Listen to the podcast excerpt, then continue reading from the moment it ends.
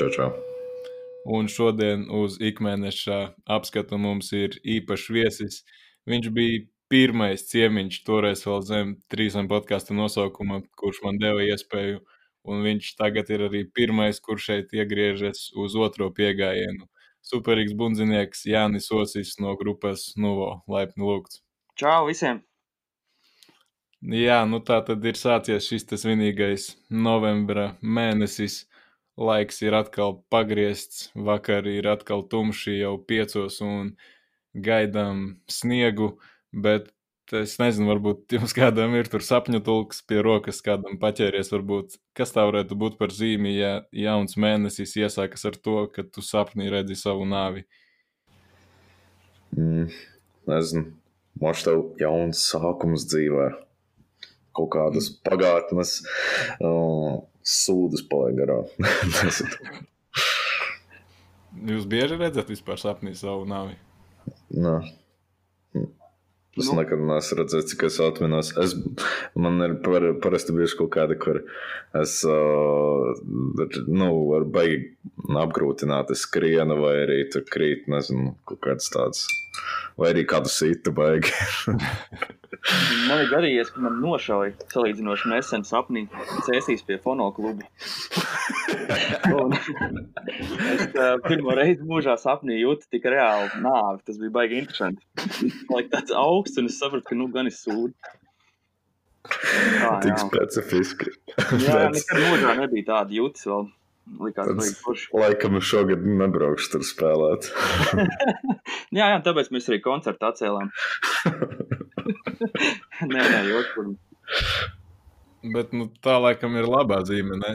Nu, tā, ka tu, tā kā jā, Renārs saka, kaut kāds varbūt pārējais posms, nezinu, bet tā ir tāda baigi, baigi dīvaini reāla sajūta tādā jocīgā nozīmē. Bet labi par nopietnākām lietām runājot kā tur jūsu galā vakar ar tiem Helovīniem pie durvīm visādiem mazajiem monstriem daudzījās, vai ir, tas ir tikai šeit tāds fenomens?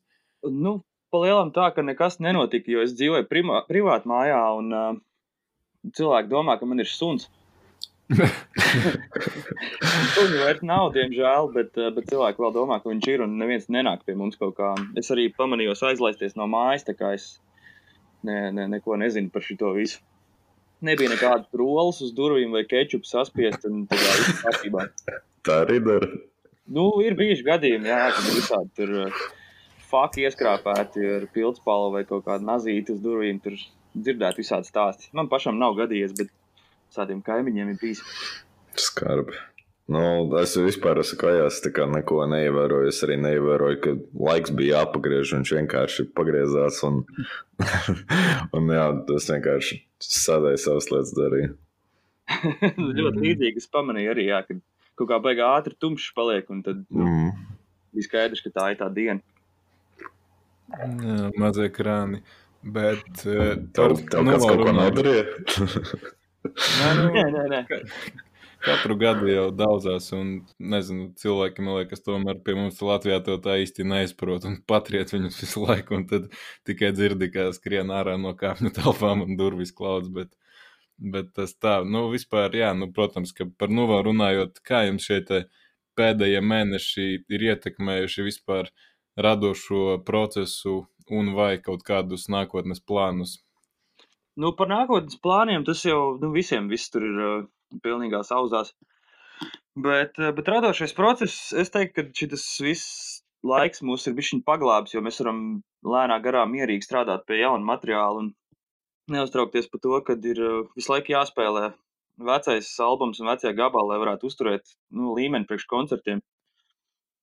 Tā kā eh, diezgan, diezgan tā, nu, cenšamies tikai jaunu spēlēt un domāt jaunas gabals, un jau kaut kas arī ir sadomāts. Mums ir mājās tāda mazā studija pie Andra. Tad mēs arī rakstām visu iekšā un uh, diezgan drastiski metam ārā. Un, ja kaut kas nav ritīgi, tad pieiesim bišķi nopietnāk jaunam albumam. Kādā ziņā nopietnāk? Nu, iepriekšējais albums bija tāds savākts no ļoti daudz gadu veciem gabaliem un salikts kopā, lai būtu albums. Un tad tas koncepts tikai radīts pēc tam.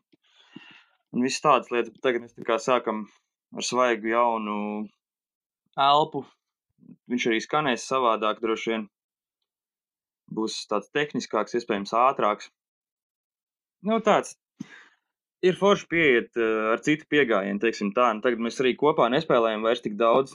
Mēs teiksim, izdomājam dziesmu, mēs viņu sākumā ierakstām, saprogrammējam bungas, skatāmies, vai labi skan, vai kaut kas nav, vai nu, tīri uz niansēm visu. Un, un tad pēc tam viņi mācāmies reāli. Nu, ja tev būtu tāds cipars procentuāli, tagad jānosauc, cik tālu jūs esat tajā jaunajā albumā tikuši. Nu, Zini, kā es nezinu, cik dziesmas viņā būs. Tāpēc es tā grūti pateikt, grūti pateikt tādu jā, konkrēti. Bet nu, ir, ir četras jaunas dziesmas, divas ir 100% pabeigtas, un tās otras divas ir nu, 95% pabeigtas. Tie, tā kā mhm. nu, kaut kas top ļoti lēnām, bet, bet es domāju, ka tas rezultāts būs labs. No. Visticamāk, nu, man tādā ziņā es varētu teikt, ka nešaubos, jo man liekas, ka tas materiāls vienmēr ir diezgan kvalitatīvs un jā, es ļoti, ļoti gaidu albumu. Jā, super. Paldies! Nu, jāpiemina arī, ka vecais bija vairāk uz tādas, nu, kā lai izstāsta, tāds punk, punk hardcore bāzes tieši, tieši instrumentāli. Nu, daudz rītmi bija no punk HC paņemti un uh, arī Andra tehnikas visādas Tā kā šitajā jaunajā būs stipri savādāk, vairāk tāds metāls, tehniskāks. Tāpēc arī ir tā, ka ir uh, bišķiņ jāpamācās un jāpasēž pašam katram atsevišķi ar to savu instrumentu vairāk, un lai var to vispār izdarīt fiziski. Un joprojām instrumentāli vai domāju, tomēr jau pamazām kaut ko sāk pieslēgt arī vokālajā departamentā? Nu, mēs gribējām, bet uh, tā ideja sākumā bija šito albumu taisīt mazliet vienkāršāk, lai paliek vieta vokāliem. Bet eh, mēs smejamies, ka mēs nu, ritīgi izgāzāmies, jo tie gabali ir vēl sarežģītāki. Mm. Un tad, eh, nu, tad nu, īsti nevar, nevar fiziski to apvienot, jo gribās, lai ir forši, lai ir tiešām labi. Un, un, un ja ir jādara divas lietas reizē, tad, tad paliek 50% tikai katram no tā, ko tu vari izdarīt. Nu, teiksim, ja man ir kaut kādas vokālās partijas jāņem, tad bungām nepaliek tik daudz. Tur pazūd kaut kāda uzsvara, kaut kādas vietas, tu vairs nevari tik labi izspēlēt. Un vokālam arī tu nevari veltīt varbūt tik daudz, cik vajadzētu. Un tā kā, nu es nemāku spriest, varbūt kaut kādās vietās kaut kas būs, varbūt nebūs, un pagaidām neesam līdz tam tikuši. Tā kā, jā, nu, kaut kā tā.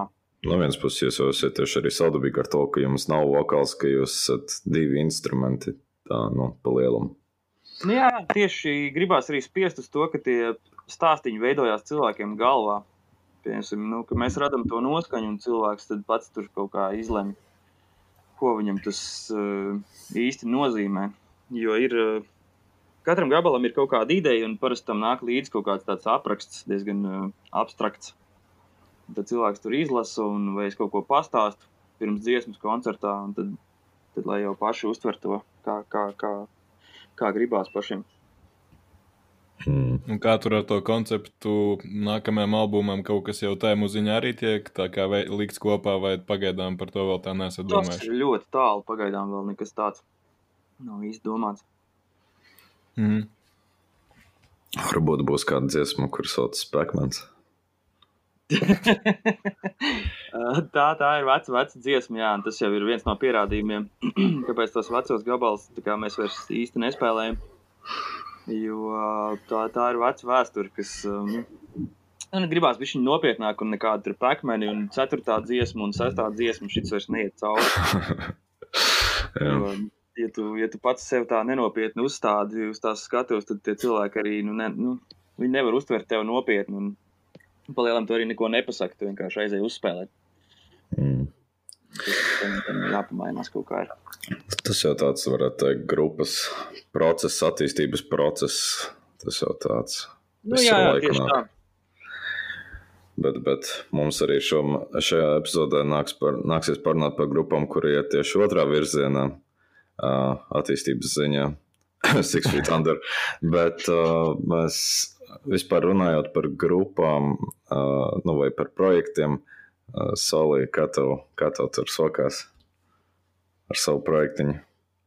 Mm, es tādu baigošu tēlu atklāju īstenībā, ka es varu to savu kombiku pieslēgt pie kompija kā interfeisu izrādās. Un, mm, Rakstīt tā kā caur kompīti nav obligāti jābūt tam tur kaut kādam ārējam mikrofonam. Tā kā tas drusku atvieglināja lietas savā ziņā. Protams, pagāja laiks un dusmu stundas, kamēr tas viss tika saprasts, bet, bet jā, kaut kas top. Es domāju, ka nākamā gada nu, pirmajos mēnešos varētu būt ārā mm, debijas IP. Tā kā mm. tas tā. Ah, tas ir kaut kāds solo projekts vai kaut kas tāds? Nu, laikam to varētu tā nosaukt. Jā, nu, tas tāds, protams, demo kvalitātes, tāds, tāda tipa black metāls kaut kas uz to pusi. Nu, vismaz tā sākumam, lai saprastu, kā tas viss strādā, un tad, tad jau pēc tam varēs slēgt klāt tur arī citādākus elementus. O, super. Un kā ar bungām, pieņemsim, kaut kā programmē viņas vai Nu, par tām bungām tieši gribēs ar tevi pēc tam parunāt, varbūt ārpus ieraksta, lai pagaidām neblamēties ārā. okay. Kā tev ar vokālām tas, tas arī pats, visu pats? Jā, jā, tur būs viss, viss pārējais būs, būs pašam. būs interesanti. Tas būs mans kroplīgais bērniņš, ja tā var teikt. es es neka, negaidu neko mazāk par tostera kvalitāti. Tā kā, nu, ierakstu kvalitātes ziņā, protams, bet, uh, bet jā, tad jau, tad jau gaidīsim. Zin kā podkāstā varbūt tas būs kaut kāda uh, pirmatskaņošana vai kaut kas tāds. Nu, nekur citur jau arī tas neskanēs, protams. Tā kā, tā kā tikai tā, tas noteikti arī nu, tā jau nevar teikt, vienkārši tās idejas citreiz aiziet galīgi tālu. Mm, šis nebūtu gadījums. Ko zinu, varbūt tas būs kaut kāds kultu followings, un viss tad mēģinās sagrupēt grupu. Un... Tieši tā, tā kaut kāda divu miljonu followeru uzreiz YouTube. Nē, nu vairāk par trīs cilvēkiem, ja tevi klausās, tu jau esi selauts black metālā. Kā,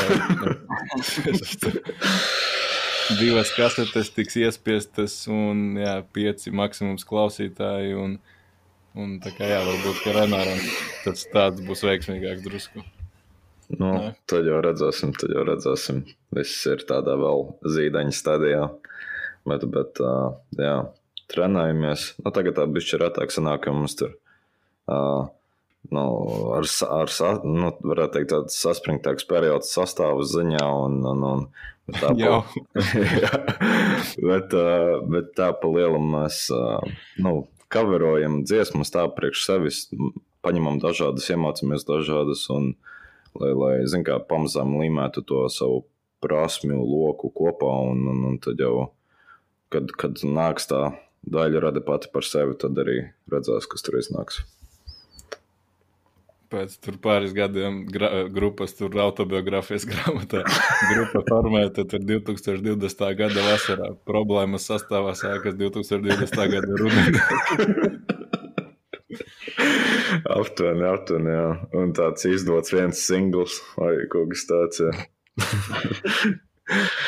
Bet, nu, tas tā, jā, man tas viss tāds jauns uh, piedzīvums. Zinu, ka es arī nekad nebiju uz vokāliem, neko mēģinājis. Tas ir tā interesanti. Tagad es esmu principā es tikai vokālists. Un... Jā, bet kāds, ko tieši tu dari? Tu ņem, nu, es pieļauju, ka tu ņem kaut kādus zemos grolus, droši vien, vai ne? Pēc tavu balss tembra spriežot. Jā, nu, man ir palielam, man ir divas galējības. Ja? Es vai nu riktīgi zemu grauloju, vai nu es nenormāli augstu spiedzu. Nu, tā kā. Vai es spiedzu, tā kā, es nezinu, tur Cradle of Filth vai kaut kas tāds, nu, tur. Uh, nē, nē, nē, nē. Šitie tā dziedāšana man nav manā repertuārā. Es nemāku dziedāt, bet, bet uh, nu, ja man būtu jāpielīdzina, uh, ka, kam ir tādas rīktīgi, nu, augstās, nu, kā tu teici, grupu, Cradle Filth. Jā, jā, uh, viņam ir tās beigās augšas. Viņam ir tādas Uh, bez mazliet tā kā inhēla izklausās, bet man bija tā kā jaudīgāk. Tā, uh, daudziem ne, uh, nu, tāds piemērs, ko, nu, ko nepatīk dzirdēt, tāda kā Chelsea Green, vecajam vokālistam bija tāds uh, normāli augstie spiedzieni, tādi. Mm -hmm. Varbūt tas zina, jā, un tad kaut kas varbūt uz to pusi. Un tas jau nav, nav nemaz galīgi nav slikti. Jā, Šie Man... abas var izdarīt. Tas īstenībā diezgan apsveicami, jo man arī kaut kāda vokālā pieredze agrāk bija. Un, nu, abas paņemt nav tik vienkārši nemaz. ja gribās tā labi. Zinu, kur man ir problēma. Es, es nemāku to vidusceļu atrast. Es nemāku arī pārēju uztaisīt. Man vienkārši tādas divas galējības un viss. Zinu, ko es iesaku paskatīties. Ir tāda, man liekas, nu jau ir nozogama kaut kāda tāds DVD. Melissa Cross, kā viņi tur saucās? Zen of Screaming. Jā, tā ir tā vokāliste. Jā. Man ir kaut kur uh, datorā tie diski, kas viņas pat neesmu noskatījies. Nu, es iesaku, jo es, man ritīgi mainījās viss tas pasākums. Es tur bļāvu arī ritīgi, tur zarnas bija pa grīdu un viss bija slikti un sāpēja. Un, nu, viss ir slikti, kā, ka tu vienkārši kliedzi, cik tev ir jauda. À, nu es esmu pie tā jau piedomājis. Es jau zinu, ka nav jāizliek visa enerģija un ka ir tam iekšā pareizi jājūtas. Tas nevar sāpēt. Jā, jā, un dikcija un viss pārējais arī, un elpa. Un tur. Es tā arī ne, nu, neiemācījos, bet, eh, bet kā, kaut, ko, kaut ko aptuveni sapratu. Mm. Man liekas, baigi labs. Jā. Man liekas, ka uh, man liekas, Solēm bija sūtījis kaut kādā brīdī video. Pārsūtīšu to kaut kādā brīdī, varēs uzmest tāds. Bet tur mm. sūdīgā kvalitāte, to starp kvalitāti ierakstīts vienkārši. Uh, tas tā var būt tās iespaidam kaut kādam, lai saprastu, ko es domāju ar tiem augstiem vokaliem. Jā, nu. Es, es šo saprotu, man ir kādi tūkstoši ierakstu tādu, man liekas, datorā. Visādi, ko es esmu darījis. Beigās sakomplektēt ar albumu. es domāju, noteikti pat vairāk. es agrāk kaut kā baigi daudz spēlēju ģitāru, un tad uh, tad ir, jā, es laiku rakstīju iekšā un domāju dziesmas, un bija bišķi saslims ar šito. Nu, forši, zin kā, kaut kādā ziņā jābūt tam, tam outletam, kur, kur izpaust to savu, to savu iekšēni. Nu, tas, jā, vienīgs lūk, tas, ka tas apstājās ar kaut kādu datoru, jo beig beigās nebija dombiedri, un, un tad, zin kā, tad tu vienkārši ģenerēji visādas idejas, un tu viņas nevar realizēt, un tas nav forši. Mm. Bet, bet jā, nu, izpausties vajag. Jā. Man liekas, mēs esam diezgan daudz parunājuši par saviem radošajiem procesiem un projektiem. Vajadzētu, laikam, sākt ķerties pie sērijas. Tā varbūt tās tādā vieglā pārējā mēs varētu parunāt nedaudz par aizgājušajiem un nākamajiem koncertiem. Tātad oktobrī es pieļauju, ka nu, neviens nav bijis vairāk par, par vienu koncertu apmeklējis, vai ne? Nu jā, precīzi neviens. tu vai tu nebija uz diviem, sanāk, ka ne? Es? Jā. Nē, nē, nē, viens bija krogā albuma noklausīšanās grupē Frelti, un otrs bija Reizeknē Gors. Es tomēr tā aizvilku uz to reizi. Pagaidām, vai tu uz drūnu negāji? Uz to sat koncertu? Jā. Uh, nē, es nebiju. Tas bija reāli vakar vai aizvakar, kaut kādā 30. vai 31. datumā, bet, bet uh, nē, es neaizgāju. Kāpēc? Vajadzēja mācīties. Labi, pieņemsim šādu. es arī zinu, kā es jau septembrī redzēju tās grupas, un, un, un tāds sev attaisnojums, es varu arī šoreiz neaiziet. Mm, nu, labi. bet, bet jā, nu, man liekas, ka nu, tas ir diezgan neapstrīdami, ka Rezeknas Skyforger koncerts bija šī mēneša highlights, vai mēs tam varam piekrist. Noteikti. Nekas jau arī lielāks nav noticis. Pa lielam viņi kaut kā tā baigi veiksmīgi apspēlēja visu to ar to sēdu koncertu, kad beigās arī sanāca tā, ka tikai var sēdēt, kas ir vispār dīvaini, bet nu labi, sākotnēji viņiem jau tas nebija tā paredzēts.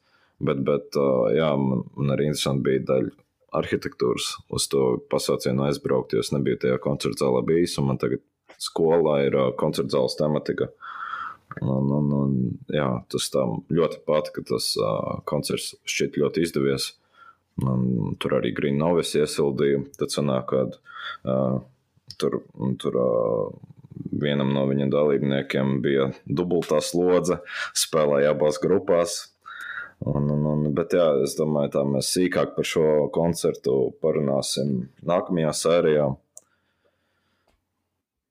Bet vispār, zin kā, par to Skyforger runājot, nu, šogad, nu, vispār es nevienu grupu nebiju pirms tam redzējis divas reizes, un Bauskā sanāca Skyforger redzēt pirmo reizi dzīvē, un tad skaitīt praktiski pēc diviem mēnešiem tā bija tā grupa, kuru es pirmo reizi redzēju, arī otru reizi dzīvē, tā kā tāds diezgan labs, laikam, nosaukums, ar ko aizsākt tādu pasākumu. Kāda, kura jums bija tā grupa, kuru jūs pirmo reizi dzīvē redzējāt pa otro lagu? Oh, wow. Tas ir beigas jautājums. Man ir jāiet cauri saviem, uh, saviem koncertu sarakstiem. Es no galvas tā nezinu. Nu, nu, visticamāk, kāda vietējā grupa tā būtu pareizi. Nu, noteikti. Um, es tā aci uzmetot. Iespējams, tā bija kaut kāda ne neglected fields vai, vai, vai kaut kāds preternatural. Viņi tā diezgan aktīvi iesildīja vienu brīdi. Nu, tas bija kaut kādā 15, 16 gadā. Bet, bet, ja mēs skatāmies kaut kādu lielo grupu, tad uh, grupa, kuras pirmo, nu, pirmā, kuras redzēju atkārtoti, tā ir vai nu Arčenemy vai arī Crowbars. Mm. Diezgan iespaidīgi nosaukumi. Jā, Anna vēl Kristians arī te ir vairākas reizes bijis, tos arī es atkārtot redzējis. Bet, uh, jā. Wow, jā, nu man tāda punku, punk scēna bija tajā laikā, kad man bija 13. Valmērā bija diezgan aktīva visādi tāda punk hardcore kustība, un tad bija, bija mans pirmais koncerts, es atceros, notika aiz Valmieras vidzemes slimnīcas, tur bija kaut kāds morga noliktavs.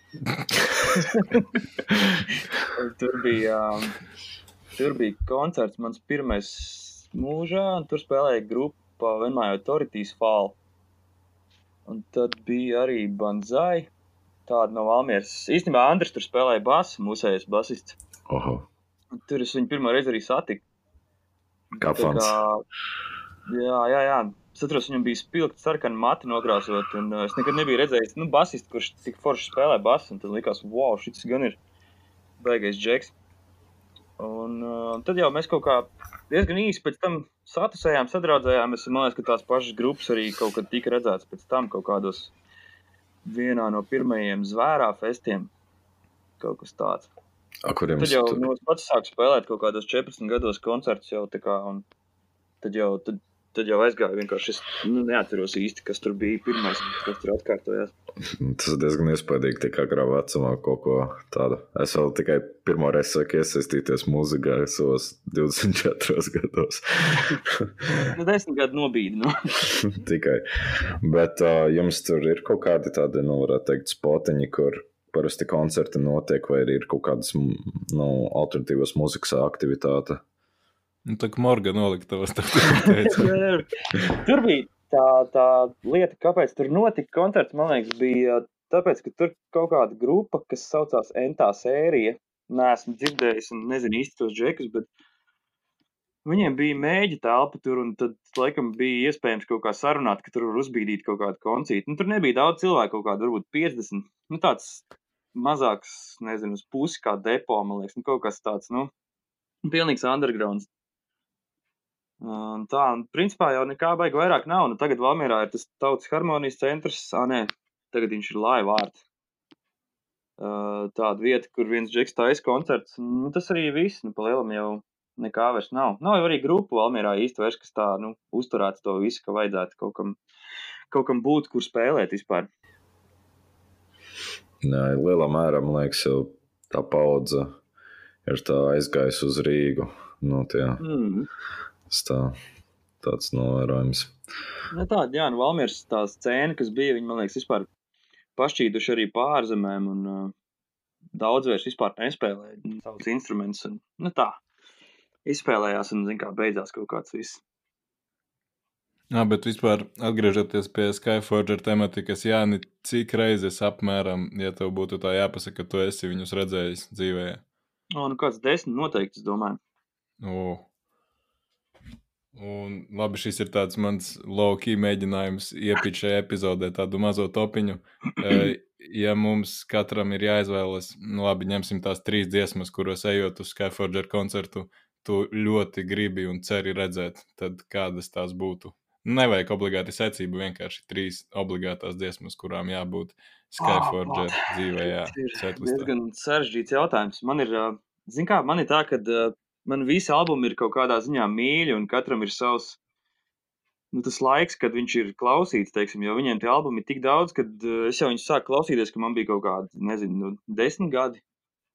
Mm. Tad jau man asociējās ar kaut kādu bērnību, tur galīgāko. Nu, kā, es pat teiktu, ka man ir ļoti liels prieks dzirdēt kaut ko no zobena dziesmas, pieņemsim, nu, tur folku arī, kā, un kaut kādas vecos tur uh, kauja pie saules, piemēram, albums vai šo no latviešu strēlniekiem, kāds gabals. Kā man, Man nemaz tāda konkrēta nav. Man galvenais, lai ir kaut kādi veci un kaut kādi jaunie tajā setlistā, un es vienmēr esmu apmierināts. Bet, nu, jābūt noteikti kaut kādai dziesmai, kas tev pirmā tomēr iešaujas prātā, kad tu iedomājies par to. Nu, droši vien tas varētu būt tad, uh, tas pats kurbats ķēves dēls, tāpēc, kad, uh, tā, ka mums, uh, nu, dzima dēls, tad mēs braucām uz slimnīcu un skanēja mašīnā tā dziesma. Mm. Tas ir palicis tāds, nu, tas ir ļoti, ļoti simbolisks gabals. Kā tas, tas, tā, tas skan, tad, zin, kā, tad kaut kāda zosāda uzmetās un nu, ir kaut kāds mm. emocionālais pasākums. Droši vien pulkots briedis varētu būt otrs, tāpēc, ka tas ir pirmais gabals, ko es no viņiem dzirdēju. Tas bija kaut kādā 2000. gada Odikolona izlasē, man liekas, man bija kasete. Tad es viņus pirmo reizi dzirdēju un sapratu, wow, kas tas tāds ir. Es tur biju dzirdējis tikai kaut kādas panku grupas, un, un šis likās, o, oh, beigās tāds, nu, zāģīgais, beig forši.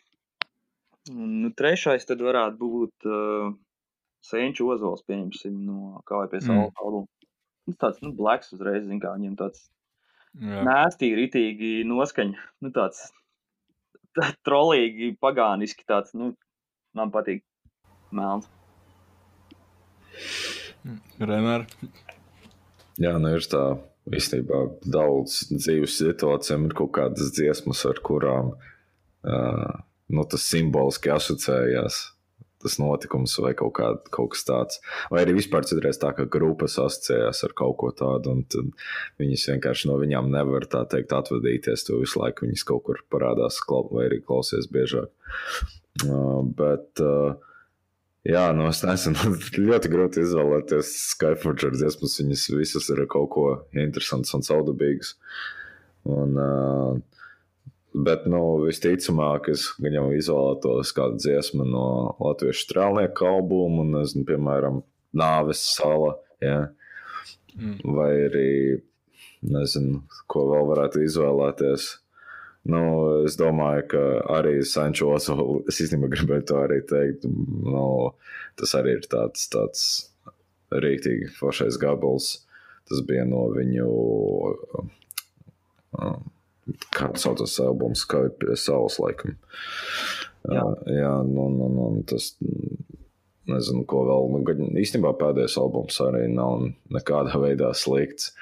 Tur uh, visas dziesmas arī labi ietu. Protams, no kurbada varētu kaut ko paņemt, piemēram, šo melno jātnieku. Tas arī forši.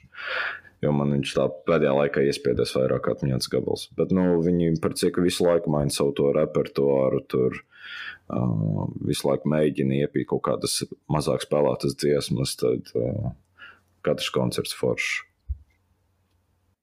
Jā, tā ir interesanta lieta. Es tagad, kā Skyforger eksperts, tad, tagad, kad es esmu viņus divreiz redzējis, tad es varu droši teikt, ka tas ir baigi interesanti, ka viņi tos savus setlistus tāpat diezgan radikāli maina un laikam iespēja, ka tu dzirdēsi divus vienādus koncertus pēc kārtas, ja vienīgi tas no kaut kādā tur tūrē, kurā viņi tur spēlē koncertu katru dienu, ir diezgan maza. Un tas, ko viņi spēlēja Rezeknē, tas arī bija diezgan forši. Tā, tā zobena dziesmas, dziesma, zobena dziesmas albuma dziesmā latgaliešu valodā bija superīga. Es pieļauju, ka viņi to nebija vispār pirms tam spēlējuši. Tad par tādu jūras dziesmu es vispār neko nebiju dzirdējis, un tagad viņam baigi iepatikās. Tas ir kaut kāds kolabs ar auļiem. Man liekas, tā nav neviena albuma dziesma. Ne?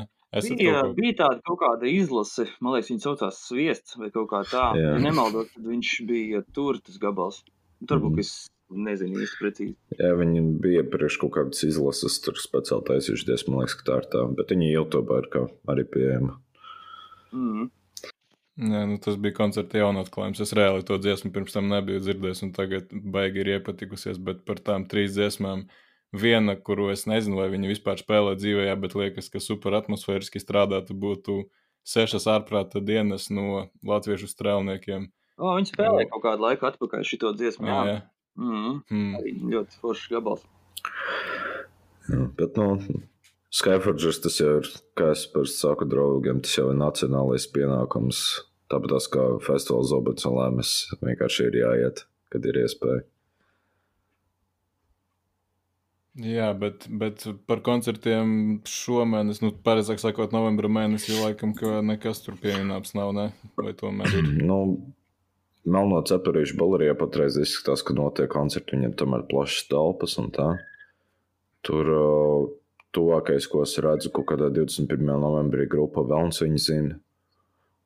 Un uh, tad tur kaut kādi pārcelti, kaut kādi vēl nav pārcelti, bet patreiz grūti spriest, kas notiks. Depo tagad vispār, cik es saprotu, ir uh, aizvērts uz kādu laiku. Un tā kā tur nekas nenotiks. Un, jā, varbūt tās melnē piekdienā kāds atkal sāla koncerts parādās. Lielā mērā pa visu. Mm, labi, tad pirms pārējām pie tiem albumiem, jaunākajiem un spilgtākajiem, labākajiem, mazliet tāds pārējais brīdis, pateicības brīdis, tomēr mums beidzot izdevies tos kreklus dabūt gatavus. Paldies liels visiem, kas bija pacietīgi un to brīdi tomēr sagaidīja. Un tad, eh, tā kā to cilvēku nav miljons, tad mēs varam pateikt eh, katram arī personīgu paldies, paldies par atbalstu, paldies par klausīšanos. Tad eh, personīgs paldies Oskaram Sīpolam, um, Fak, man pazuda tas. Nu, labi, jā, protams, arī Jānim. Jānim Osim. jā, man ir mugurā. jā, liels paldies. Un tā tad, labi, es te varbūt tos palsīšu tālāk tos, kas, kuri bija iesaistījies tajā atbalstīšanā. Uh, Ilza Kote, paldies, Alisa Lēnča, viņa arī palīdzēja ar flyeriem. Tad uh, Jānis Kurtiņš, Artis Zvejnieks, Luka Gavrons no Vācijas, mums arī ir tāds klausītājs. Tad uh, Artis Vilers, Emīls Zenne, Kristians Pelšs. Paldies jums!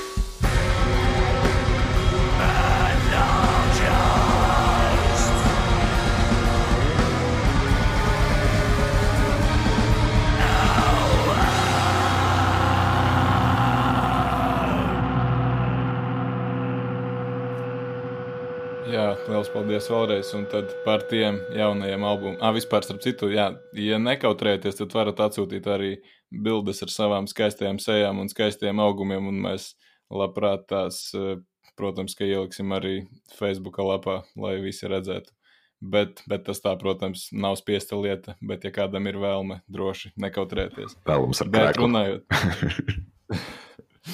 runājot par jaunākajiem albumiem, šis mēnesis bija diezgan pārpildīts ar tādiem skaļiem nosaukumiem, un personīgi no manis tādi pagrīdes nosaukumi varbūt šogad nebūs, bet, nu, pirmkārt jau, jā, runājot par pašmāju materiālu, tad uh, grupa Frailty, tumšie, tumši ūdeņi. Es taču teicu toreiz Bauskā, es zināju, ka tā mistiskā grupa, kas skan fonā, ka tas bija jaunais Frailty, bet tu man toreiz teici, nē, nē, nu tas nav Frailty, un es domāju, Nu, labi, varbūt, ka nav. Tu tomēr zini labāk, tu esi viņus klausies vairāk nekā es. Bet es zināju, es tiešām zināju, un es esmu ļoti, ļoti lepns par Ak, savu zini, kur prāta žēzemē iespējām. Kur tu biji informācija, ka tas bija Frailtīs? Nu, tā kā pēc rīfiem jau var saprast. Nā, nu, es, piemēram, neatceros, kā skanēja. Nu, es, es varu paprasīt cilvēkam, kas sastādīja to playlist. Es nu, visu laiku aizmirstu. Bet, bet, bet, Tas bija Frailtī 100%. Man ir ieraksti telefonā. Mēs varam uztaisīt pirmās oficiālās derības ierakstu laikā, ja tu gribi un pārliecināties par to. Kā, nu, faktu. ir tie brīži, kad tu vienkārši zini. Tur ir jāatcerās. Ir īpaši, ka tev ir taisnība, tad tu zini. Jā, jā, tā, ka tev ir taisnība, tu zini. Tas tā tas ir. nu, bet reāli bija. Jā, bet vispār šis albums, nu, man tas noteikti ir viens no gada albumiem Nu, vismaz šobrīd, nu, es to albumu esmu noklausījies vismaz 11 reizes. Man viņš tik ļoti patīk. Nu, viņš ir, nu, viņā ir visas, nu, tur tas līmenis ir ļoti augsts arī video klipos un viņa visā ieraksta kvalitāte un visa, nu, instrumentāli, vokālais, pilnīgi visur. Nu, viss man liekas, tur ir vienkārši ideāli. Ja man iezels viena dziesma, tas es nevaru izvēlēties vienu dziesmu, man vienkārši jādzird viņas visas. Tas ir šomēnes obligātais klausījums visiem. Jā, es arī gribēju piebilst tieši to, ka ļoti, ļoti superīgi visā, visā ziņā, gan, gan tehniski, gan, gan, gan, gan emocionāli, gan viņš tāds skumjš un skaists. Un, Smags arī vienlaikus. Jā, jā, ļoti smags tāds. Nu, es atceros, mēs, mums bija Balerijā koncerts kaut kādu, man liekas, gadu atpakaļ, un uh, mēs ar Jēkabu, viņa ģitāristu un uh, arī klipa uh, autoru runājām. Viņš teica, jā, mēs dedzināsim raganas. Man liekas, jā, super, labai, rītīgi, nu, gaidu. Un, un, un, un ir izdevies, un ļoti, man liekas, super. Tiešām cepur nost par šito albumu. Jā, pilnīgi noteikti. Un, jā, nu, tādā ziņā mums tā vietējā mūzikas kvalitātes lātiņa ir ļoti augsta. Nu, es nezinu, kas ir jādara, lai panāktu tādu līmeni. Nu, tas ir tiešām ļoti kvalitatīvs darbs. Jā, tas, tas gluži vienkārši ir darba stundas. Tā kritīgi ilgi sēž, domā. Šis bija viņam, sanāk, piektais, laikam, albums. Iepriekšējais bija nu, pirmais gadā. latviešu valodā. Jā, jā. jā. Vispār jāsaka, ka iepriekšējais arī ļoti labs ir. Es tieši vakar noklausījos. Un, un, un baigi forši. Mm. Viņš pēc, tā, pēc tās Lovecraft grāmatas. Man īstenībā visi tie albumi kaut kādā veidā pielīp. Man vienu brīdi, nu, īstenībā ļoti ilgu brīdi, tā Mel Melponene. Uh, uh, viņa, tas, tas albums man ļoti pielīp. Nu, tāds, viņš ļoti tāds drūm, drūms, tāds depresīvs, varētu teikt. Mm. Bet jums nav tā, ka reāli šitā, kad jūs dzirdat tādu metālu, tīpaši latviešu valodā, tad, tad tās dziesmas kaut kā liekas uzreiz tik daudz vērtīgākas un tā kā to, kas sirdi reāli tā mūzika kaut kā uzkāpa nākamajā līmenī, kad tu dzirdi tos vārdus tieši latviešu valodā un tiešām komplimenti grupai, ka viņi tomēr izdomāja paeksperimentēt un veikt tādu pārēju. Jā, jā, tieši tā. Es domāju, ka tas tam ir nu, cita pievienotā vērtība uzreiz, ja tas ir latviešu. Tas droši vien nav tāds super taktisks gājiens, nu, skatoties uz ārzemju publiku kaut kādu, bet uh, es domāju, ja tas albums ir pietiekami spēcīgs, tad tā, tā valoda nebūs barjera arī ārzemēs. Skyfords ir labs piemērs. Jā, tieši tā. Tur kaut kādā, es nezinu, Brazīlijā nu, mēs ar Edgars runājām. Viņš teica, nu, nenormāli krūtis sajūta, ka tu spēlē Brazīlijā koncertu un tur cilvēki dzied latviešu tautas dziesmu tev līdzi. Nu, viņi, nu, zin kā, viņi nezina tur vārdus vai kaut ko, bet viņi tīri nu, fonētiski Jā. vienkārši dzied līdzi. Un, nu, tas ir, tas ir rītīgi super, man liekas. Mm. Tādā ziņā vispār mm, tas, man liekas, uzreiz ir pilnībā atcelts tas arguments, kad, nu, par to latviešu valodu, ka viņa nav īsti tur priekš mūzikas vai ko. Nu, man liekas, tad vispār tieši varbūt efektīvāk ir ar to latviešu valodu. Vismaz, nu, ja mēs skatāmies vietējās mūzikas kontekstā, laikam jau veiksmīgākas tieši ir tās, kas ir latviešu valodā. Un, jā, kā, es neuzskatu vispār par nepieciešamību izmantot angļu valodu. Jā, tieši tā. Tur ir kaut kāds uh, automātisks respekts nu, kaut kā liekas, yes, nu, Džeki ir izdomājuši, ka dziedās latviešu un super maleči. Vienīgā sūdzība ir tā, ka dziesmas ir drusku par garu, bet tas tā, nu, kas jauns mācām tālāk pie, nā, nā, nā, pie gada labākā albuma. Tas nestrādās. Nightmare of the Decomposed. Nu, galīgi nē. Tev dūmiņš vispār ir. Nē. Un tas pat, man pat viņš nešķita kā dūmus, tas ir tāds nu, viss bija tur tā, nu, nebija tā pasīvi. Tur enerģija bija pilna. Vienkārši man visu laiku ir tas skābais ģīmis, ja, kad tu klausies kaut ko tādu rīktīgi jaudīgu. jā, jā, metālais. jā, jā. Un uh, tur, nezinu, man, man gribēs, lai vēl turpinās tas viss. Es, jā, man, man jāpiekrīt, ir arī viņš nebija tāds velkošs, nu tāds uz atpakaļ velkošs. Viņš tāds foršs plūst viss, bet viņš ir ļoti skumjš un drūms un tajā pašā laikā smags, kas ir forši. Jā. Nu, viss kaut kas notiek. Nav tā, ka norauj vienu no otru un tur minūti vienkārši rūs kaut kas. Sano vai arī slīps. Jā, jā. nu, runā par savu mīļo Six Feet Under. nu, kāpēc savu mīļo? Es domāju, tā ir neapstrīdami visu cilvēku mīļākā desmetāla grupa. Vismaz ļoti atbilstoši šim gadam, man liekas, albums vispār. Bet, bet zin kā, ir baigi interesanti par to bērnu runājot par to, kā visi viņu nodirš un kritizē.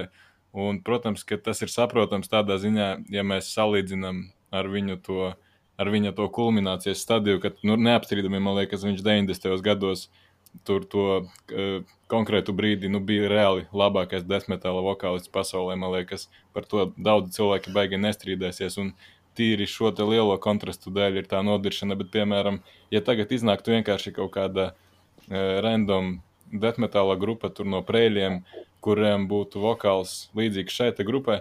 Man liekas, nu, neviens, protams, neteiktu, ka tas ir super fantastiski, bet, bet tāda baigā nodiršana arī nebūtu. Bet tieši tad, kad, tu, kad tev ir tas salīdzināmais moments, kad tu paņem, tu, piemēram, Butcher Dead Birth albumu no Cannibal Corpse, un kad tu paņem šito, un kad tu viņus saliec vienu pret otru, tad ir tāda ļoti, ļoti skumja sajūta īstenībā. Tu nevari īsti saprast, vai tas ir nopietni pat domāts, jo reizēm reāli liekas, ka tāds labais troļļošanas mēģinājums tas viss ir. Zinām, man liekas, problēma parādās tad, kad nav līdzsvars instrumentālā prasme līmenī un vokālā. Jo, nu, piemēram, kad tagad tu to savu prēļu underground grupu piemini, ja, viņiem tur tāds vokālais līmenis ir tāds, nu, palielam zems, bet parasti tad instrumentālais līmenis arī ir tāds. Ja? Bet šeit sanāk tā, ka instrumentālis man šķiet, nu, ļoti, nu, īstenībā ļoti foršas. Ja? Nu, Tādas lipīgas melodijas, tur tie rifiņi, tā forša skan, viss ok. Bet, Nu, bungas tā arī bija super primitīvas. Diezgan, nu, jā, tad likās, ka kā, tas treks varbūt nav pabeigts. Jā. Uh, bet, uh, bet uzreiz, kad pieliek vokālus, tas vokāls likās kā, nu, kaut kāds tikko pienācis cilvēks, tāds uh, nu, vienkārši tur mēģina aizlāpīt kādam vietu. Ja? Mm. Nu, bet nu, tur diezgan traģiski izklausās tas vokāls, visi tie pikskvīli un tādas lietas. Tas vienkārši briesmīgi. es nevaru. Jā, es arī es klausījos darbā, viņi kaut kā domāja, nu, man uh, solīs atsūtīt kaut kādas grupas, lai paklausās, un domāju, o, oh, visādas, nu, sen nedzirdētas, un es viņas arī parasti neklausos. Un, sākšu tieši ar uh, Six Feet Under, jo tas tāds nu, vecs un zināms kaut kas. Un, un es biju rītīgi, rītīgi pārsteigts. Es domāju, fuck, kas nu, tiešām viņi tā skanēja kaut kā. Nu, uh, nu, diezgan briesmīgi, jā, es nezinu, kas tur. Es domāju, ka tas nav joks. Es domāju, ka nu, varbūt viņi cenšas eksperimentēt ar kaut ko vai, vai, vai, vai kaut kā. Nu, Nevar būt, tik liela grupa jokojās un ākstās. Zagā, es, es mēģināju arī atrast kaut kādas intervijas pēdējā laikā no, no tā Barnesa, lai saprastu, ko viņš īsti domā. Bet nav nevienas intervijas pēdējo astoņu gadu laikā. Un tāds, ok, tur kaut kas nav riktīgi. Un, uh... Varbūt tas nav viņš. Kā tu vienkārši cenšas nokopēt to vokālu? Jā, jā, un uh, tur, tur vispār, es nezinu, nu, Es pieļauju, viņam vienkārši tā balss diezgan degradējusies. Viņš vienkārši nu, dara kā spēj. Un viņš, cik es saprotu, ir tā grupas galva, ja pa lielam instrumentāli tikai tiek piesaistīti, un viņš ir tas galvenais, kas nosaka to mūzikas gaitu. Mm. Ja? Un arī bija kaut kur radīti komentāri, ka nu, tur kāds viņam tur pajautā, kas tur tām vokālēm un tā, un viņš vienkārši tur tāds nu, nemākulīgi reaģē, uzdirsa kaut ko un viss. Jā. Nu, tā kā viss ir speciāli un apzināti un tādā garā tāds. Nē, nu, zin, kā, ir jau grupas, kas meklē kaut kādu to, nu, kā, kā saka, back to the roots, nu, to kaut kādu raw procesu vai kaut ko, es nezinu, nu, kaut ko tā kā agrāk, zin, tur kaut kāda skanēja sūdīgāk un dzīvāk. Un... Jā, bet šeit reāli tie instrumenti skan moderni un viss tā kā jaunā defmetālā. jā, jā. Tieši tāda, tur ir kaut kas nav, nav, nav bijis īsti. Bet tie pikskvili, tas, ir, tas bija vienkārši šausmas, reāli trešā dziesma, The Rotting. Kad es pirmo reizi to dzirdēju, tas reāli izklausās pēc kaut kādas Gorgrenda grupas, kurā vokālists reāli ākstās, kurā viņš speciāli tā kā parodē to visu. Nu, reāli es salīdzinājumam vienkārši tagad ielikšu fragmentu ar pikskviliem no Bārnsa, kas viņam bija vēl, nu labi, Corpse Grinders pieslēdzās tajā Vaila albumā, bet tās dziesmas ir pieejamas arī Bārnsa versijā un dziesmā Devoured by Vermin. Tur ir tāds diezgan labais pikskvils viņam sākumā, tad es ielikšu tagad to fragmentu.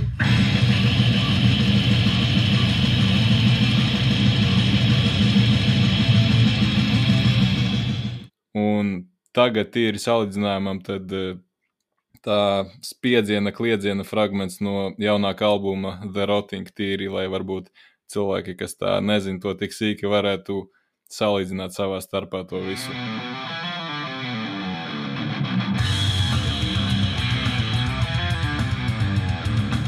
Bet, bet jā, nu es dzirdēju tādu interesantu salīdzinājumu, ka reāli izklausās pēc tā goluma no Grezena pavēlnieka, kas mēģina izspiest otru galu ārā aizvakardienas pusdienas. Nu, tas, tas ir drausmīgi, reāli. Es nezinu, žēl tiešām no vienas puses, ja uz to tā paskatās. Bet, bet, Zini, kā bet, jā, varam... vajag arī piemērus, kā nedarīt lietas. Nu, tieši tā. Mm. Kas tur vēl kādi highlighti šomēnes? Nu, varbūt tās Jānis ir kaut kādi albumi, ko viņš gribēja pieminēt arī. Nu, Karkas noteikti no tām grupām, ko mēs uh, gribējām apskatīt, tas, tas man likās kaut kas baigi feins. Mm. Tāds ļoti skaists, skaistas gīčas. Uh, viņiem ir baigi labi izdevies uh, sinhronās gīčas salikt kopā.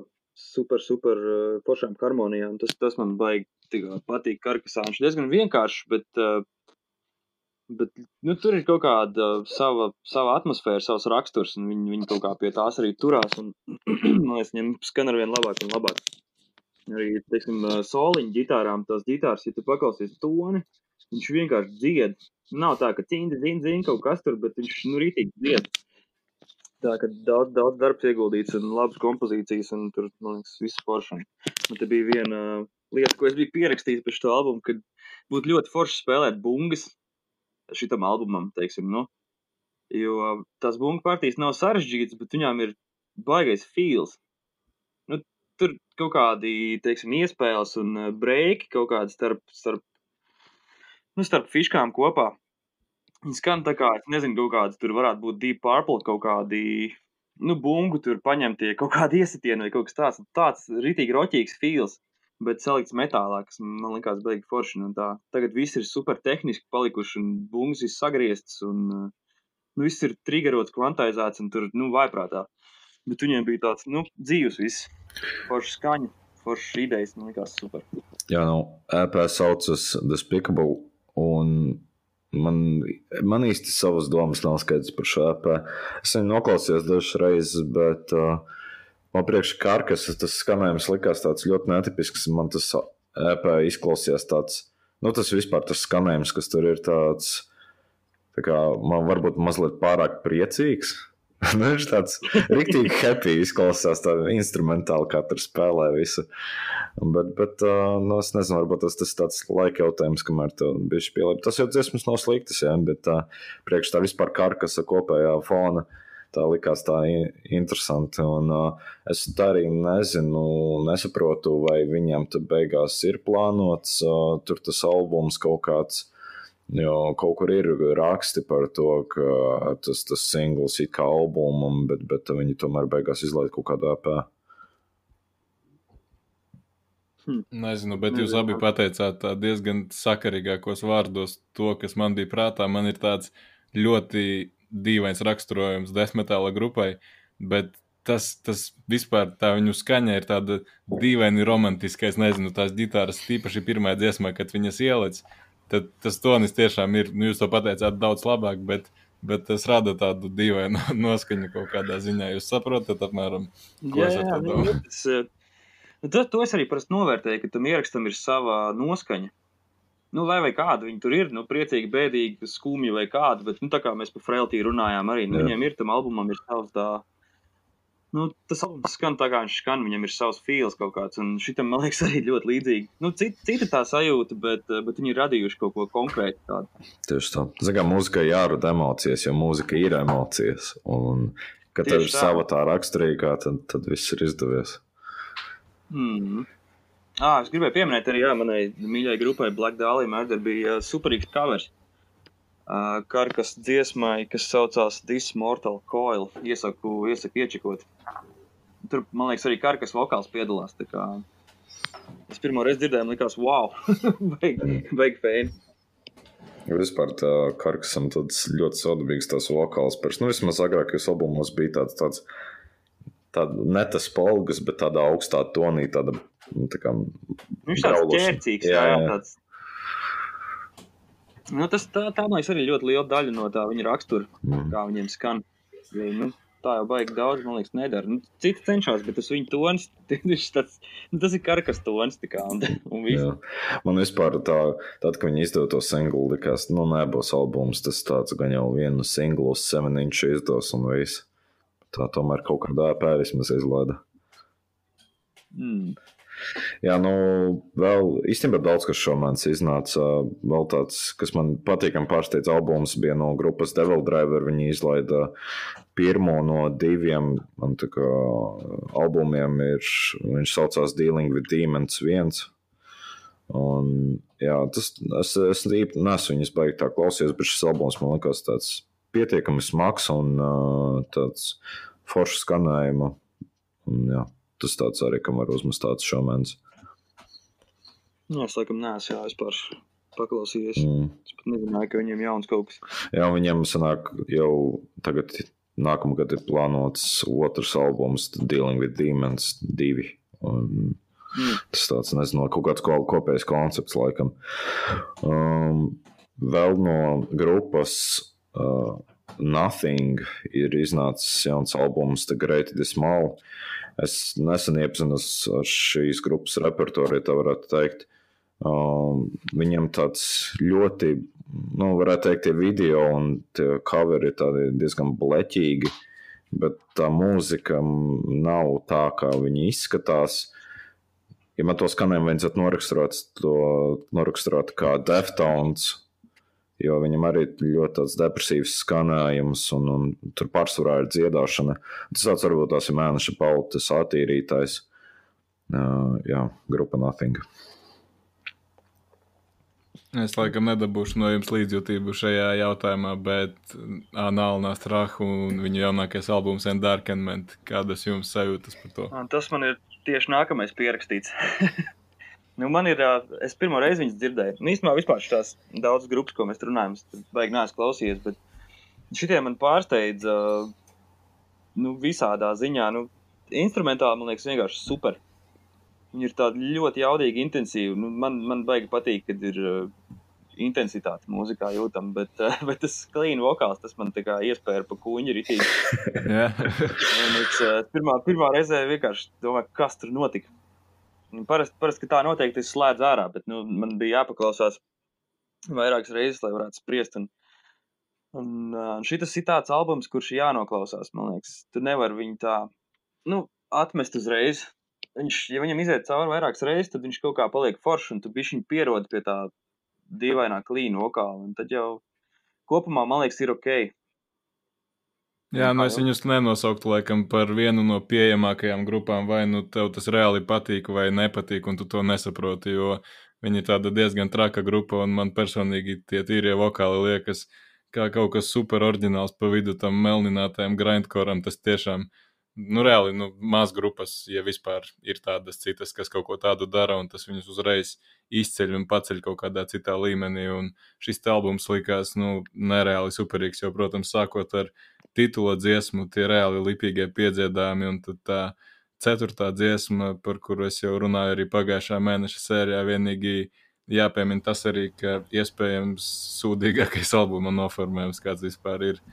Ja, ja, ja redzējāt necenzēto versiju. Ah, nē, es laikam neesmu redzējis. Jā, nu, tas ir mm. tāds, ko varētu būt piecgadnieks izdomāt, ka viņš tāds īpaši edži jūtas.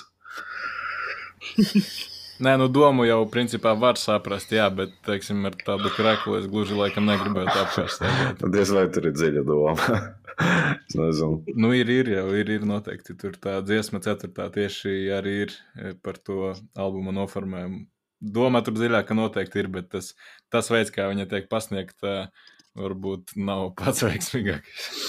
Jā, nu, kā metālā jau bieži vien tieši tas uh, absurdisms ir tas, kas, uh, kas visiem kaut kā patīk. Nu, nu, tieši tā. Ir, ir tik, tik tālu kaut kādā tur uh, trakumā vienkārši, ka, nu, ka tas paliek smieklīgi. Jā, vispār man liekas, tā ir, tas tāds varbūt tas sākot no 90.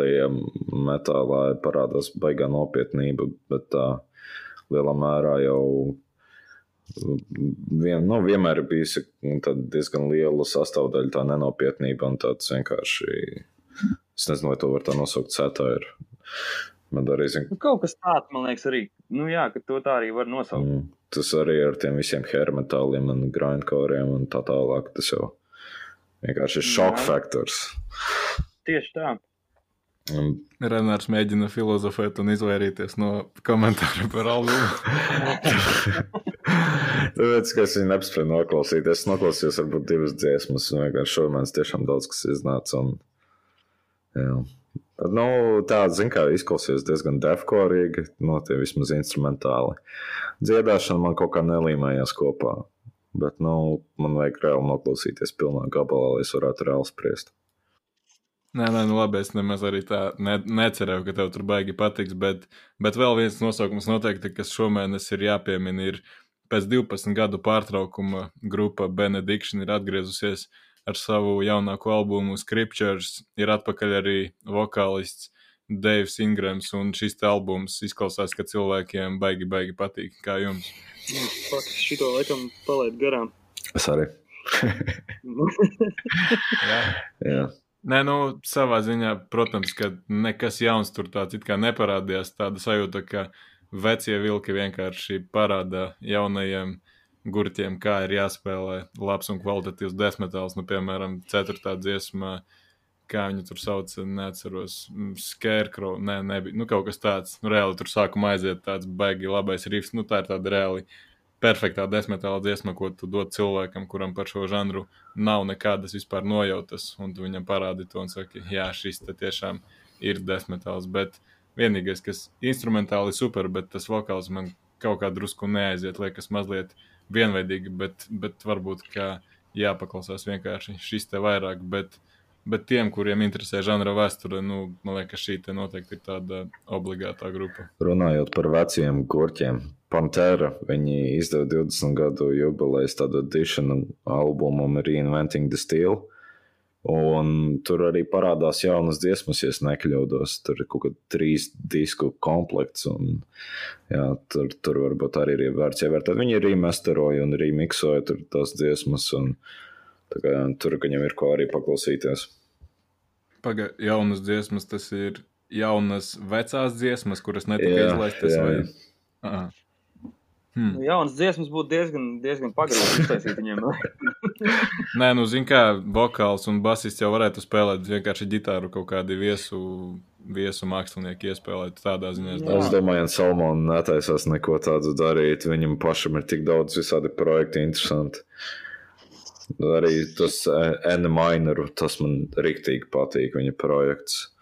Jūs diez vai esat viņu dzirdējuši, tas ir tāds kaut kāds depresīvs kora vai kā viņš viņu tur nosauc. Ja? Nu, čaļi vienkārši tur tādi savā, savā kūtī tur o, pīpē un spēlē vienkārši depresīvu mūziku. Nu, tur nav nekas tāds baigi agresīvs, vienkārši viņa tā emocionāli smaga mūzika.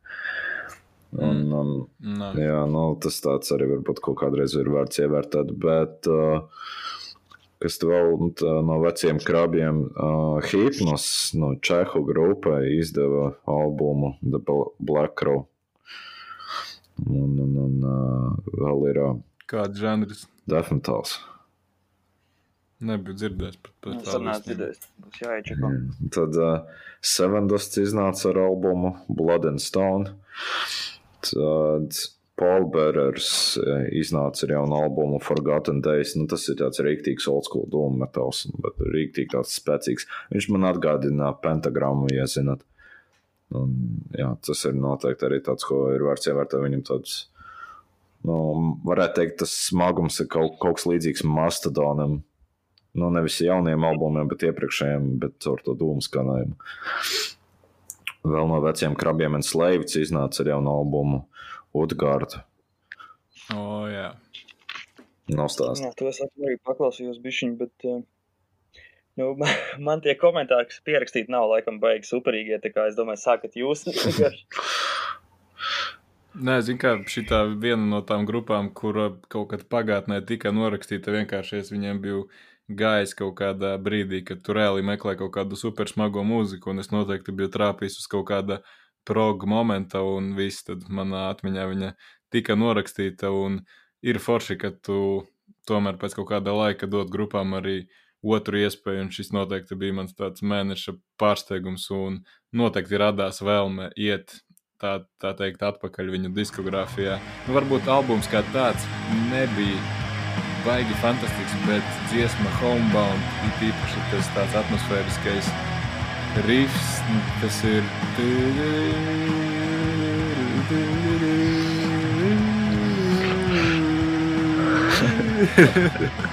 Man liekas, tas ir reāli labākais.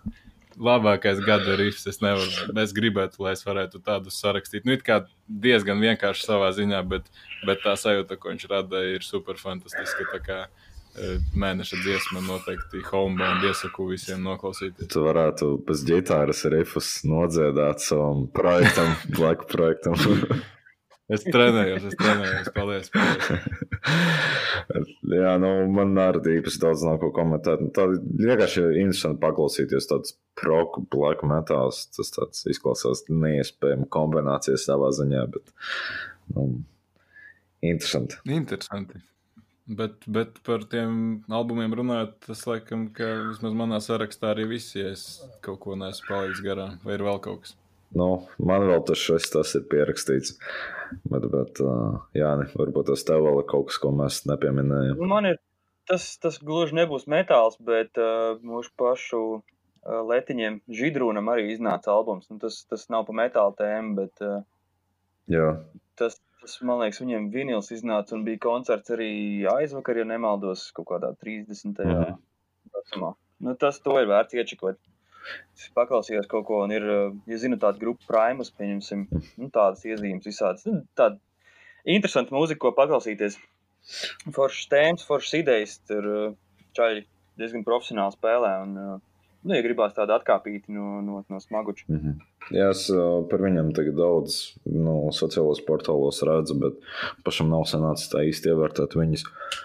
Nu, tā vienīgi tur varbūt viena dziesma bija pārtinis kaut kādā YouTube. Viņiem tā ļoti interesants tas uh, dizains uz tā, tā albuma vāciņa. Jā, jā, jā. Nu, viņiem, viņi pieeja tā forši mākslinieciski, tas man patīk. Nu, tās idejas arī dziesmu tekstiem ir, man liekas, no kaut kādiem dzējoļiem visādiem nākušas. Un...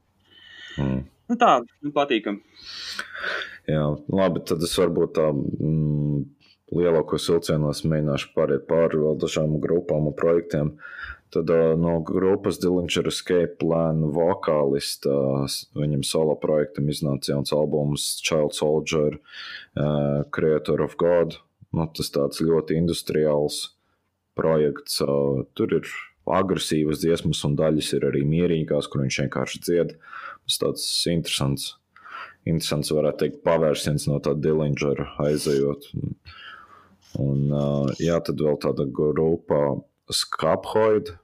Uh, tas tāds instrumentālais, progresīvais kaut kāds metāls vai postmetāls, grūti saprast, bet jā, viņiem iznāca jauns albums Absent Passages.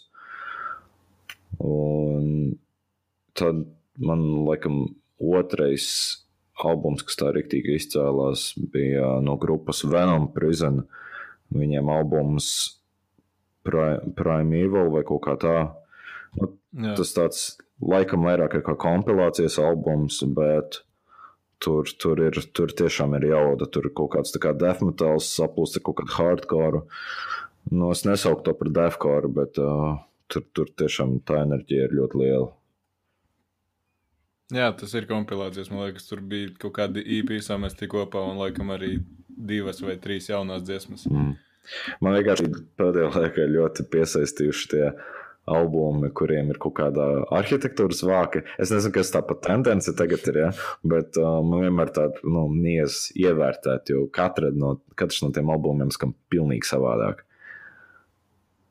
Nu, Tad tev vajag uz kaut kādu simtveju pāriet, vai uz kaut ko tādu. Tur ir tādas visādas grupas, kurām visādi tādi uh, Arhitu, arhitektūriskie vāciņi ir. Bet es nesaprotu, ko viņi tā kā, e, nu, tas, ko viņi parāda, nav tas, kas tur skan. Ja? Nu, tā kā to domu es īsti nesaprotu, ko viņi ar to mēģina parādīt, bet man tāpēc arī vienmēr es viņus paklausos, jo tur nu, tā interesanti saprast, ka tur, okay, tur patiesībā kaut kas baigs maksas. Es tev iemetīšu, ir tāda grupa no Baltkrievijas, ja nemaldos, Malčādamā.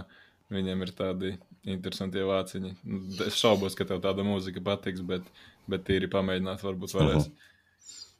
Bet jā, pa lielam daudz, ka šomans ir nācis ārā. Un, un, un ir arī, protams, klausāmi un neklausāmi albumi. Bet es domāju, ka lielam tas arī par šo mēnesi, par oktobri būtu viss. Vienīgais, tad, ja jums vēl nav kādi albumi, ko piemest, tad varu arī nedaudz pieminēt, kas nākamajā mēnesī gaidāms. Hate breed. Yeah. beidzot, beidzot, beidzot, jā, viņi izlaidīs. Bet tas man liekas vienīgais nosaukums, kas tur vēl nāks ārā. Dark Tranquility nāks ar jaunu albumu Phantom Days. Tad Killer Be Killed nāks ar albumu Reluctant Hero. My Dang Bride nāks ar vēl vienu albumu Macabre. Kā kabaret vai kaut kā tā. Gingers mm. nāks ar albumu Sits Day Roll Over, un wow. grupa Tombs nāks ar albumu Under Solan Skies. Pagaid, pagaid, Sits Day Roll Over, tas ir dziesmas nosaukums viņiem. Tas, tas diez vai būs albums. Nu, cik es lasīju, tas tā kā albums gaidāms 20. novembrī. Jā? Jā. Varbūt tas bija title mm. tracks. Nu, nē, tas ir jau no iepriekšējiem albumiem. Dziesma tāda viņiem ir. Nu, labi, būs jā, jāpaskatās, kas tur ir interesanti. Nebiju dzirdējis. Bet, jā, Headbreeds noteikti ir tas, ko, ko vajadzēs ievērtēt. Tur viņiem albums, laikam, saucās Weight of the False Self. Man liekas, viņiem ar katru albumu tas dziesmas paliek aizvien lipīgāks un lipīgāks. Viņi speciāli viņi taisa tādas, kur ir tie Uh, varētu teikt, koncerta dziesmas, kur visi reizē kaut ko bļauj, ja, un tur vienkārši tāda rīktīga mm. breakdown. Tas tāds tiešām foršs. Ja viņa vokālistam īstenībā arī beigas foršais podkāsts ir. Iesaku paklausīties. Jamie Justice show saucās. Jā, jā. Esmu bijis uzsēdies un diezgan, diezgan forši viņš tur aicina visādas, visādas interesantas personas. Es, es uh, neteiktu, ka es klausos katru sēriju, bet es paklausos tās, kur tad mūziķi, kur man rīktīgi saist, piemēram, kad atnāk tur Kirk Weinsteins, kurš ir gandrīz katru otro sēriju, protams, dramatizējot, bet, nu, uh, viņš tur ir bieži, un tas ir rēcīgs tas sērijas, ko paklausīties. Nē, es viņu klausos jau četrus gadus, varbūt no vietas katru sēriju. Reāli Džeimijs viens no maniem mīļākajiem cilvēkiem šajā pasaulē. Redzēt, Starp citu, jā, es Jānim gribēju uzprasīt, tikai nesen pieminēta tā grupa The Black Dahlia Murder, un vienkārši mazliet pagremdēties atmiņās, un varbūt var arī mazliet pastāstīt par tām sajūtām, kādas, to, tas jau laikam bija pagājušo gadu, ja nekļūdos, bet jūs spēlējat ar viņiem vienā koncertā, un personīgi tev, kā tik lielam grupas fanam, kāda bija tā sajūta spēlēt kopā ar savu, nu, mīļāko grupu, ja tā var teikt? O, nu, zini, kā tur bija vispār bija drausmīgi interesants tas viss pasākums, tāpēc, ka sākumā nebija doma, ka mēs spēlēsim. Un uh, Andris jau bija aizbraucis uz Zviedriju strādāt. Tā kā mēs bijām paņēmuši nu, pauzīti uz kaut kādu pusgadu, bija domāts, vai kaut kas tāds. Un, uh, man liekas, nedēļu vai pat mazāk pirms tā koncerta man uh, koncerta organizatora Taņa pazvanīja un uh, nu, teica, ka viņi redzējuši, ka es esmu nopircis biļeti un uzspiedis going un viss pārējais. Un, nu, vai mēs negribam uzspēlēt arī pie viena? Un tad es biju darbā, naktī kaut kādos 11. tur. es domāju, pār, nu, nevar, nu kā, netak nevar būt. Un tad es zvanīju Andriem, viņš teica, ko tu mūli, tā kā tu droši vien neesi skaidrā. un es teicu, nē, nu tur jāspēlē, tur nav varianti. Un, uh, Nu, Zinām, tādu koncertu nevar laist garām, ja tu esi aizkārpījies kaut kā līdz tādam brīdim, kad tev aicina uz tādu pasākumu. Nu, tu nevari viņu vienkārši noignorēt un mest, mest malā. Un tad, tad, jā, tad Andris tur lidoja ar divām lidmašīnām, pārsēšanos, un, un, un tika iztērēta diezgan daudz naudas, un mēs pa lielam nesaņēmām neko. Un, un, un, nu, bija, bija ritīgs, bija ritīgs trips. Aizbraucām, un jā, nu, bija. Mēs bijām pirmā grupa, bija superīgi cilvēki. Viss notikās. Tur sanāca pat mošpīti iegriezt. Un, nu, visiem patika, viss bija super mērķis, tur tika pirkts. Un, un, un, un sanāca parunāties arī ar uh, Alanu Kasadiju, ar viņu bundzinieku. Otrā grupa arī bija superīga. Uh, Bāc, tagad aizmirsu, kā sauc. Kur jūs vispār Bet, spēlējāt? Tas bija 16. aprīlis. Bet, nu, ja man liekas, sanāk pusotrs gads vai kaut kas tāds. Tallinā. Nebija šogad, tas bija pagājušajā gadā, man liekas. Kurā vietā? Jā, tas bija ā, klubā Taper, Tallinā. Mm. Un, nu, tur, tur bija jā, kaut kādi nu, 350, 400 cilvēki, kaut kas tāds. Nu, tā, tā vieta ir tā kā kaut kas starp Melno piekdienu un Palādiju kaut kas tāds. Mm -hmm. Un, uh, Un, Nu, tur nu, bija baigi interesanti. Kā, jo tos cilvēkus esi redzējis kaut kādā televizorā vai, nu, vai kaut kāds DVD skatījies. Vai, nu, un tagad tev nāk garām kaut kāda tāda cilvēka, liekas, wow. tas kaut kāds seriāls sajūta. Un, kā, nu, viņa tevīm runājās un tur nu, iečiko kaut kādu mērķu vai kaut ko. Un, nu, tā, nu, baigi inčīgi. Un, skatoties to koncertu, es sapratu, ka tas ir tehniski labākais koncerts, uz kādas es bijis. Tāpēc, ka viņiem skanēja nu, tā, kā nevienam nav skanējis, ko es esmu redzējis. Nu, redzēts visādas grupas, tie paši kanibāla korpus arī. Un tad man pirms tam likās, ka kanibāla korpus ir vislabākais koncerts, ko es esmu redzējis. Nu, tīri tehniskā ziņā tas bija melnā piekdienā. Un, un likās, nu, tie ieliek kloķi visiem. Bet, nē, Dālijas ielika kloķi arī viņiem. Tā kā likās, wow. Tas līmenis ir nereāls. Viņi, es tieši tam bundziniekam pēc tam arī teicu, ka, nu, kā tas iespējams? Nu, kad tu ne, nu, neviens klikšķis vai kaut kāds, zini, ka tur, piemēram, tīģis, nu, tu spēlē un šš, kaut kāda skaņa vai šņik, vai kaut kas, nu, vienkārši tā kā diskā skan. Viņš teica, ah, nu, es nezinu, es bungas spēlēju vienkārši pārāk daudz. nu, tā, ka tikai spēlēju bungas, neko citu nedaru, nu, tāpēc droši vien, tā arī ir. bet, nu, tad, tad, nu, bija, bija baigā pieredze un baigais uh, uh, mind changers pēc tā koncerta. Es sapratu, nu, ka, ir, ka tam ir jāpiet profesionāli. Tu nevari vienkārši kaut kā aizkritīties uz koncertu, kaut kā sakrāmēties vai izmantot kaut kādus klubu aparātus vai nu, kaut ko tādu. Nu, tas vienkārši neiet krastā, ja tu gribi labi skanēt. Un, ja tu gribi, lai tas viss ir pro, jābūt savam skaņotājam un visam. Un vēl ko es pamanīju, ka tas koncerts, viņš sākumā bija klusāks, un ar katru dziesmu viņi griez bišķiņ, bišķiņ skaļāk.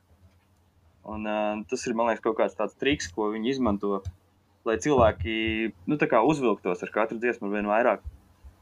Un to es nekad nebiju redzējis citos koncertos. Man liekas, wow, nu tā gan ir baigā fiša. tu tur pie tā daļa stāvēji, skaties. Tu, tu pie tāda nu, daļa stāvēji, skaties, kas, kas notiek. Nu, kur regulāri viss Nē, nē, jau dzirdi. Nu, kā, nu, sākās diezgan klusa. Tu saproti, ka viņi, viņi kaut kā skan klusāk kā iepriekšējie. Un tad tu, tad tu saproti, ka viņš paliek skaļāks. Un uz beigām jau ir nu, iegriezts rītīgi, tā ka nu, cilvēki tur lec no skatuves, un nu, tur priekšā vienkārši ir putra cilvēkiem. Un, un, un tas strādā. Tas tāds, man liekas, eh, nu, kā jau saka, prāta kontrols fiška. Jā, es esmu dzirdējis, ka tā dara piemēram ar iesildošajām grupām, ka negriež viņām to visu skaļumu, un tad galvenajai grupai tur viss tiek griezts uz maksimumu, bet tā, ka pat dziesmai grieztu, to es ar tā pirmo reizi dzirdu. Nu, jā, jā, jā, tas, jo tā otrā grupa, viņi skanēja skaļāk. Bet, bet, bet sūdīgāk kaut kādā ziņā. Nu, viņi skanēja ritīgi labi, nu, ritīgi ārzemnieki. Nu, tie bija zviedri. Es tagad nezinu, kāpēc nevaru atcerēties nosaukumu vairs. Bet, um, bet nu, likās, o, jā, un šitiem arī ritīgi labi skan. Zin, tur mums jau, mēs tikai divi esam. Viņiem tur divas ģitāras ir un bass un vokāls. Un, kā grūti pārsist tādas grupas. Un, jā, bet tad, tad, tad uzkāpa tie. It kā skanēja klusāk, bet skanēja nu, piecreiz labāk. Tā kā, nu, rītīgi laba pieredze. Daudz kas mainījās uh, tādā mindsetā vispār par mūziku, kā ir kā jāuzvedās uz skatuves un kā ir nu, tehniski jādara lietas. Tad jau būs interesanti arī pavērot, kā, kā, kā viņi te rīkosies, kad Melnajā piekdienā spēlēs. Jo nu, es nezinu, vai tas Mm. koncerts jau ir pārcelts vai vēl nē. Nu, gan jau, ka būs. Vēl nav, laikam, jo es jau esmu nopircis biļeti uz to taperu arī, Jā. kas ir nākamajā vai iepriekšējā dienā. Šitā, šit, Tā Pagaidām ziņas nav. Es šādu pati izdarīju ar grupu Statika X. Viņi te palādījumā plānoja uzstāties decembrī, un, un tad vēl es arī vēl uz Tallinu nākamajā dienā nopirku biļeti, bet, bet tas ir jau pārcelts. Nē, nu jūs sakat, ka abi nopirkāt biļetes gan uz Rīgas, gan uz Tallinas koncertu. Te jūs tā reāli arī abi plānojāt uz tiem abiem? Ah, Ar... nē, nē, nē, es, es nopirku tikai uz Tallinu. Ah. Es Jā, nu, es, es biju plānojis uz uh, abiem X koncertiem braukt, bet es tagad atgriezu naudu mm. atpakaļ par to Tallinas biļeti, jo, nu, ko es tur varu īsti izdarīt, es nevaru ieplānot tripu vēlreiz tā īsti. Uh, Atgrieza naudu? Nu, jā, nu, tur tā kā pārcēlā bija iespējams 14 dienu laikā un dabūt atpakaļ.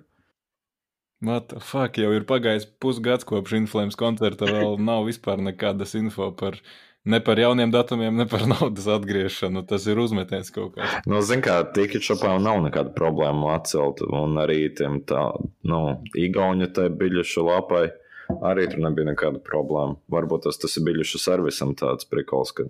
Mm. Bet, bet, uh, bet jā, nu, bet nu, ar- par to Black Dahlia Murder koncertu runājot, kas Rīgā plānots, man visvairāk pārsteidza, ko viņi izlēma paņemt līdzi Rings of Saturn no to grupas.